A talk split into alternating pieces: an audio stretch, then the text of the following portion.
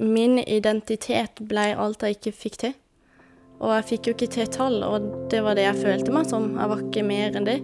Eh, og når læreren konstant sier at du bare drar ned rullegardiner, ja vel, jeg begynte å lure på ok, er det bare det at jeg ikke gidder, da? For de sa hele tida at du er for flink i andre fag til å kunne være så dårlig matte. Så da begynte jeg nesten å tro på det. Det her, det er Birgitte Hornes. Birgitte hun har alltid vært flink på skolen, og på videregående så gikk hun ut med toppkarakterer i alle fag, bortsett fra ett matematikk. Det gjorde at hun ikke fikk vitnemål, og veien til studier, den har vært vanskelig. Jeg heter Ingrid Hvitsten, og du hører på Dysleksi Norge sin podkast. Denne episoden handler om dyskalkuli og høyere utdanning.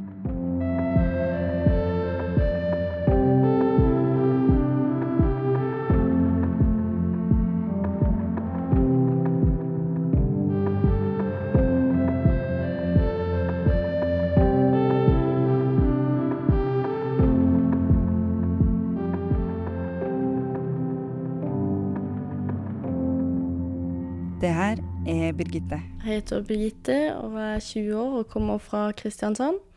Og er veldig glad i å trene. En ting Birgitte ikke er like glad i, det er tall. For Birgitte, hun har dyskalkuli. Og hun husker godt den første gangen hun oppdaga at det var ekstra vanskelig for hun med tallene. Det var sommeren til tredje klasse på barneskolen. Så var vi på vår årlige campingtur til Sverige med familien. Så skulle jeg kjøpe is i en kiosk og hadde fått noen penger av mamma og pappa. Eh, og da fikk jeg eh, veldig mye kjeft av dama i butikken, for jeg hadde betalt 50 øre istedenfor 50 kroner. Og hun prøvde da å forklare at dette ble jo helt feil beløp, og det skjønte ikke jeg. Jeg bare forsto virkelig ikke forskjellen på tallene. Så det er første gang jeg ja, skjønte at OK, noe er litt galt. Det gir jo ikke mening. Og andre ganger var litt seinere, noen år etterpå, så skulle vi til Syden, så da skulle vi på et fly. Og da leste jeg på billetten min, så da leste jeg sete 73, så jeg gikk langt ned i flyet. Så snur jeg meg, så ser jeg ikke mamma, så blir jeg litt stressa, og så har de stoppa med sete 37. Så da klarte jeg heller ikke å skille tallene. Etter denne sommeren snakka foreldrene med skolen, og Birgitte fikk litt oppfølging. Men det er ingen av lærerne som helt forsto hvor mye hun faktisk strevde. Det var PPT som kom inn i bildet når jeg gikk i sjette klasse, for fram til det så var det eh, ble egentlig problemet verre. Jeg strevde utrolig mye med mattelekser, jeg hang ikke med i undervisningene. Eh, nei, gjennom hele barneskolen egentlig så hadde jeg ikke fått noen diagnose, for jeg tror PPT var litt usikker på hvem kan sette diagnoser, hvem ja, er det dette, er det en reell diagnose? Det var litt diskusjon om det. Så jeg var mye inne i klasserommet, men hadde også litt én-til-én-undervisning i matematikk. Um, og da ble vi enige om, når jeg var i klasserommet, at ikke læreren skulle stille meg spørsmål foran hele klassen når det gjaldt tall. Uh, og det syntes jo de tydeligvis var veldig underholdende, så det, de kunne jo spørre um, Vite hva er to ganger to, eller eh, når jeg frysepunkt, når jeg kokepunkt, så svarte jeg jo typisk sånn minus 100, minus 1000. Og det var jo helt feil. Eh, og så begynner læreren å le, og så ler hele klassen. Så det var ikke sjeldent at jeg ikke løp grinende ut av klasserommet hver dag når vi hadde matematikk, fordi jeg fikk, eller oppfatta at jeg fikk nedlatende kommentarer av både lærere og elever. Jeg husker spesielt godt, det var vel kanskje i femte eller sjette klasse, at jeg skulle ut sammen med en annen elev, så vi var i et klasserom alene med en lærer. Og så spør læreren Bite kan du regne ut arealet av parketten her inne. Og jeg visste jo ikke hva ti pluss tre var, så det var jo veldig vanskelig for meg. Ehm, så jeg svarte at nei, det har jeg ikke peiling på. Eh, og så fortsetter læreren å stille samme spørsmål. Eh, og jeg blir litt stressa og utilpass eh, og spør om kan jeg få lov til å gå ut av klasserommet, jeg trenger en pause. Da går læreren foran døra og låser døra til klasserommet og sier at du får ikke lov til å gå ut før du har svart riktig på spørsmålet. Og jeg har veldig klaustrofobi og lir ikke låste dører, så jeg fikk skikkelig sånn panikkanfall. Eh, og læreren fortsetter å mase at du må svare riktig på dette spørsmålet. Og jeg står der og river i dørhåndtaket og blir ikke sluppet ut. Og så ender det opp med at den andre eleven svarer for meg. Så låser læreren opp døra, og så løper jeg ut grinende. Så det husker jeg veldig godt. Og generelt bare at læreren kan si foran hele klassen at uh, hvis jeg rekker opp hånda, da, og kunne si at 'jeg skjønner ikke oppgaven, kan jeg få hjelp?' For de kunne ofte gå gjennom oppgaven i plenum, så kunne de si 'hvem var det som ikke skjønte oppgaven?' Så rekker jeg opp hånda hver gang. Og så pleide læreren å si at uh, 'hva er det du ikke skjønner, Birgitte? Det er jo kjempelett'.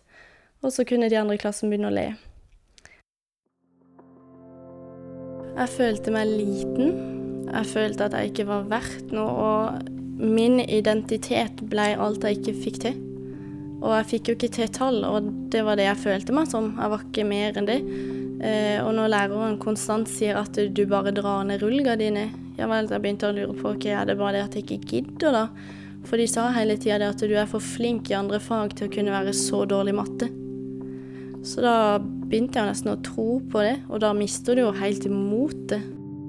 det. det var på et tidspunkt jeg nesten skulle ønske at jeg hadde dysleksi også, og sleit i andre fag for at de kunne ta det enda mer på alvor. Eller det at jeg skjønte ikke hvorfor det skulle bli brukt mot meg, for det var jo bare bra at jeg var god på andre ting. Og da burde det jo være enda enklere å forstå at da er det jo så tydelig at det er matten som er problemet. Uh, ja, men det var det tydeligvis ikke så veldig lett å forstå. Så når jeg begynte på ungdomsskolen, så ble jeg også Statped kobla inn i bildet. Så da kom både Statped og PPT. Eh, og så observerte de timene, og så tok de meg ut og én-til-én med lærer. Det var på et mindre grupperom, tror jeg. Eh, og da var det første gang noen spurte meg hvordan er det du tenker, Birgitte? For jeg var vant til at læreren alltid sa at og nå har du regnet feil. Oppgaven er feil. Eh, de spurte aldri hva tenker du? Eh, så da ble jeg så overraska over at noen faktisk brydde seg enn å bare avfeie meg. Eh, og da kunne jeg jo sette ord på sjøl hvordan jeg tenkte, hva som var logisk for meg. Eh, og da ble det nesten litt gøy å forklare. Og da begynte jeg å gjøre det uoppfordra. Hvis jeg svarte på noe, så forklarte jeg jeg tenker sånn og sånn. Og da var det mye lettere for de å forstå hva som foregikk i mitt hode. Og derfor kunne de se hvor i regneprosessen det gikk feil, eller hva jeg ikke skjønte. Og så var de veldig gode til å si at oi, så unikt, det er jo ingen andre som tenker sånn, så spennende, fortell mer. Så da syns jeg jo at det var veldig gøy. Mm. For første gang. For jeg var så vant til at eh, medelever kalte meg dum, lærere lo av meg. Ja, jeg følte meg jo ikke tatt på alvor i det hele tatt, så det føltes jo også nesten litt sånn for godt til å være sant. For da hadde jo gått veldig mange år uten at noen hadde brydd seg, egentlig.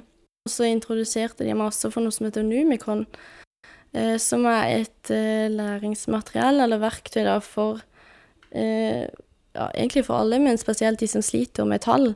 Så det er brikker eh, fra én til ti med forskjellige farver og fasong. Brite leter etter Numikon-brikkene sine. Hun har dem fortsatt i en skuff i leiligheten. kommer de i noe som kalles for en følepose. For da pleier man å ta hånda oppi, så skal man ikke se. Så skal man ta opp en Numikon-brikke, og så stiller ofte læreren spørsmål at hva kjenner du nå? Så må du sette ord på Så nå har jeg en i hånda, så kjenner jeg at den har ett hull eh, og ingen andre. Så da skjønner jeg at det er en ener, og jeg husker at den er oransje. Så ligger de oppi her. Så de er egentlig de forskjellige. Så når jeg ser for meg tall, så ser jeg for meg disse. Mm. Og da ser jeg at eh, f.eks. hvis det er partall, så har de en vanlig sånn fasong. Mens hvis det er oddetall, så har de det jeg har valgt å kalle for en utstikker. Da er det en ekstra. Mm, så da kan jeg kjenne forskjell. Mm. Hvordan tenker du fortsatt med dem? Jeg ser for meg tallet fem. Da ser jeg for meg en rød Numikon. Eh, den har en utstikker, og den har fem hull. Eh, og så, hvis jeg da skal plusse, så tenker jeg fem pluss fem. Da er det rød pluss rød, for Numikron-tallet fem er jo rødt. Og det blir en blå. For det er en blå er en tier. Så sånn ser jeg for meg i hodet. Og så har jeg egentlig brukt det siden. Jeg brukte de også på videregående. Så da hadde de liggende på pulten. I typisk hvis vi hadde tror det var i samfunnsfag, så hadde vi om økonomi og gjeld og lån, og det skjønte jo ikke jeg noen ting av. Eh, og da kunne jeg bruke de, og så lagde jeg forskjellige huskeregler, og f.eks. at eh, en blå numikon, det skulle symbolisere renter. Og så gjorde jeg det da med de forskjellige brikkene. Og så når jeg skulle øve på, for jeg syns fortsatt klokka er litt vanskelig, så når jeg øvde på det på videregående, så brukte jeg også en lumikon. Da husker jeg ikke helt hva jeg gjorde, men eh, jeg knytta det i hvert fall til de forskjellige fargene og tenkte at eh, ja, klokka åtte er grønn, for brikke nummer åtte er grønn. Eh, og tenkte hvor mange minutter, så tenkte jeg på antall hull som er i brikka. Mm. Er det de samme brikkene som du hadde den gangen? Mm, det er det. Så det er de jeg har fått mest nytte av.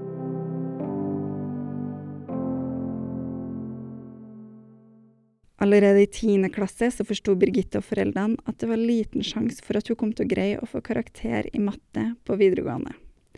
De satte opp en liste over studier som hun kunne tenkt seg å begynne på, og kontakta dem.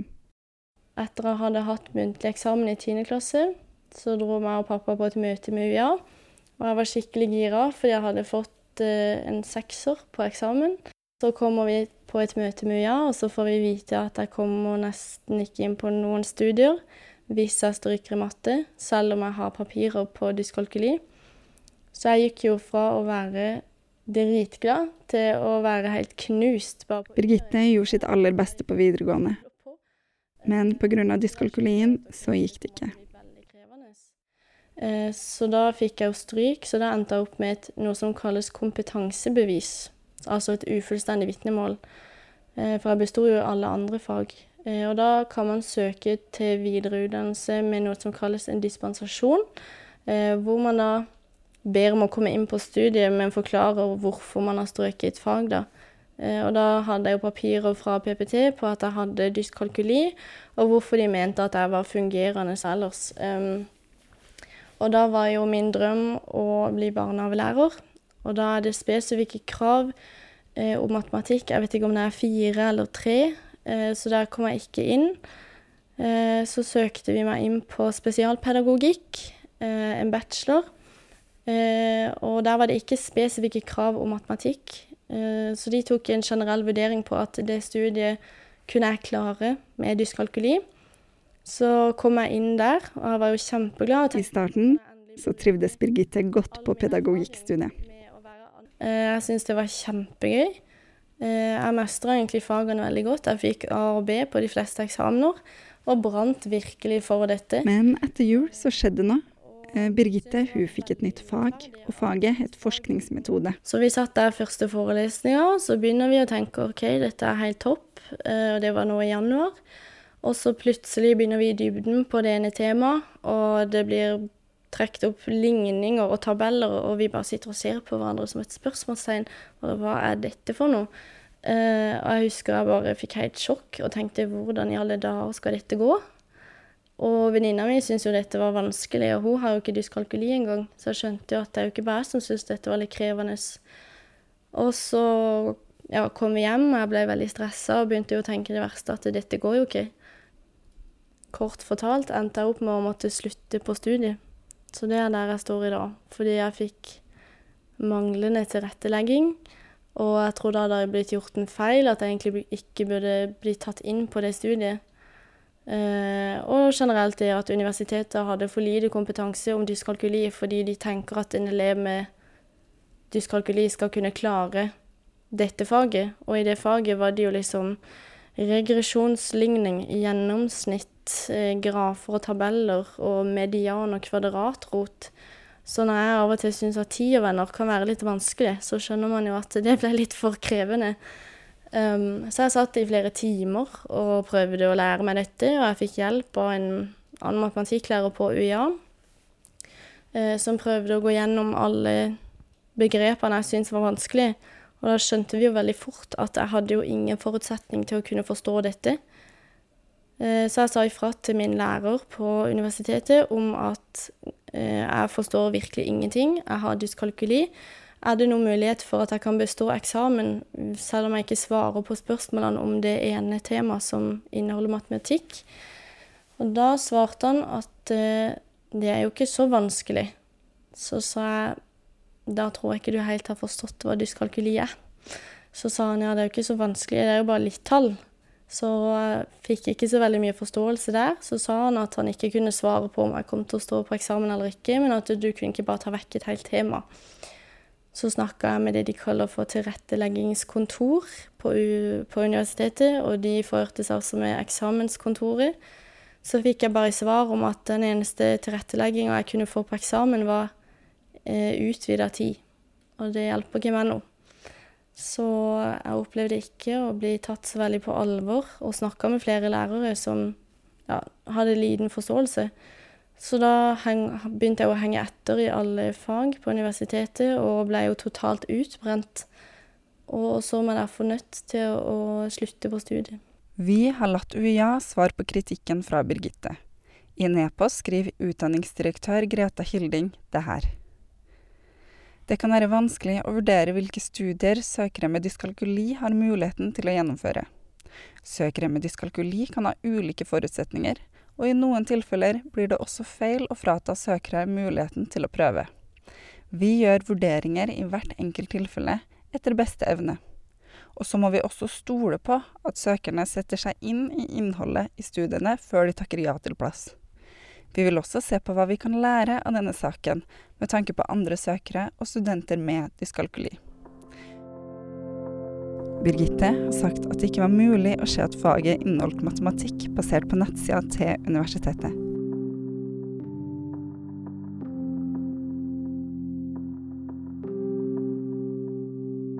Ja, jeg har snakka på ulike skoler og holdt foredrag for lærerne om dyskalkuli.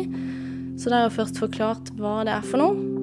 Eh, og så har jeg hatt sånn åpen spørrerunde etterpå, og da det er jo da det er størst engasjement for lærerne er jo kjempeopptatt av hva er det vi kan gjøre annerledes, hva er det som har funka for deg, hva er det vi absolutt ikke skal gjøre når vi har elever med dyskalkuli, og hva kan vi gjøre. Eh, de spør jo ja, hvordan skal vi møte elever med dyskalkuli. Eh, og da sier han jo bare at snakk med de, spør hva de sine interesser er. For det er jo mye lettere, sånn som for min del, jeg elsker jo styrketrening, da kunne vi jo snakke om vekter. Og da hadde jeg mer forståelse for det. Så da sa jeg finn interessen. For det første så er det jo lettere å ha noe å prate om, og også det at det, å ha fokus på det de mestrer. For det er veldig fort at fokuset blir på 'dette får du ikke til'. For vi må jo hele tida kartlegge det eleven ikke kan. Og hvis det blir et for stort fokus, så blir jo det bare et resultat at det er sånn eleven føler seg. Han får jo ikke til noe. Så å kunne løfte fram det eleven kan, og bygge videre på det. Og så har jeg veldig mye fokus på repetisjon, fordi når man har dyskalkuli, så sliter man med korttidshukommelse. Eh, og derfor er det viktig å ikke gå for fort fram. Eh, jeg har hatt lærere som skal lære meg fem ulike temaer på en gang. Og så skal de vise på et møte til foreldrene mine uka etter alt jeg har lært, og så husker jeg ingenting. Så ikke gå for fort fram, ikke pøs på med for mye, og repetisjon. Eller repeter, repeter, repeter. Det er kjempeviktig. Jeg vet jo aldri 100% sikkert om jeg har tatt rett av penger eller klokker, eller f.eks. når jeg lager mat. Eh, hvis jeg skal bake, eh, og så skal jeg regne ut gram og desiliter, vet jo aldri om jeg gjør det riktig. Så derfor er jeg veldig avhengig av de rundt meg til å kunne ringe og spørre om hjelp. Eh, så det er jo egentlig det jeg har blitt vant til. Men det er jo veldig slitsomt å ikke kunne vite i seg sjøl at jeg har gjort dette riktig. Og så merker jeg det spesielt i perioder hvor jeg er sliten og har mye stress, så klusser tallene seg enda mer. Men etter jeg flytta ut, så har jeg også blitt mer selvstendig. Jeg fungerer ganske godt i hverdagen, eh, men jeg er blitt veldig vant til å leve med det, så jeg spør jo bare om hjelp. Mm. Hva er det som er dine planer videre nå? Eh, det er å finne litt ut av hvor jeg kan gjøre av meg, hvor jeg kan jobbe. Eh, finne ut av kan jeg studere noe mer. Og så hadde det vært veldig gøy å jobbe i Dysleksiforbundet. og jobbe med noe innenfor dyskalkuli, da. Og man kan være en ressurs for det. For jeg har jo lite utdannelse, men jeg har utrolig mye erfaring som jeg håper kan være til bruk for noen andre. Så det hadde vært Ja, det er det jeg prøver på nå, da.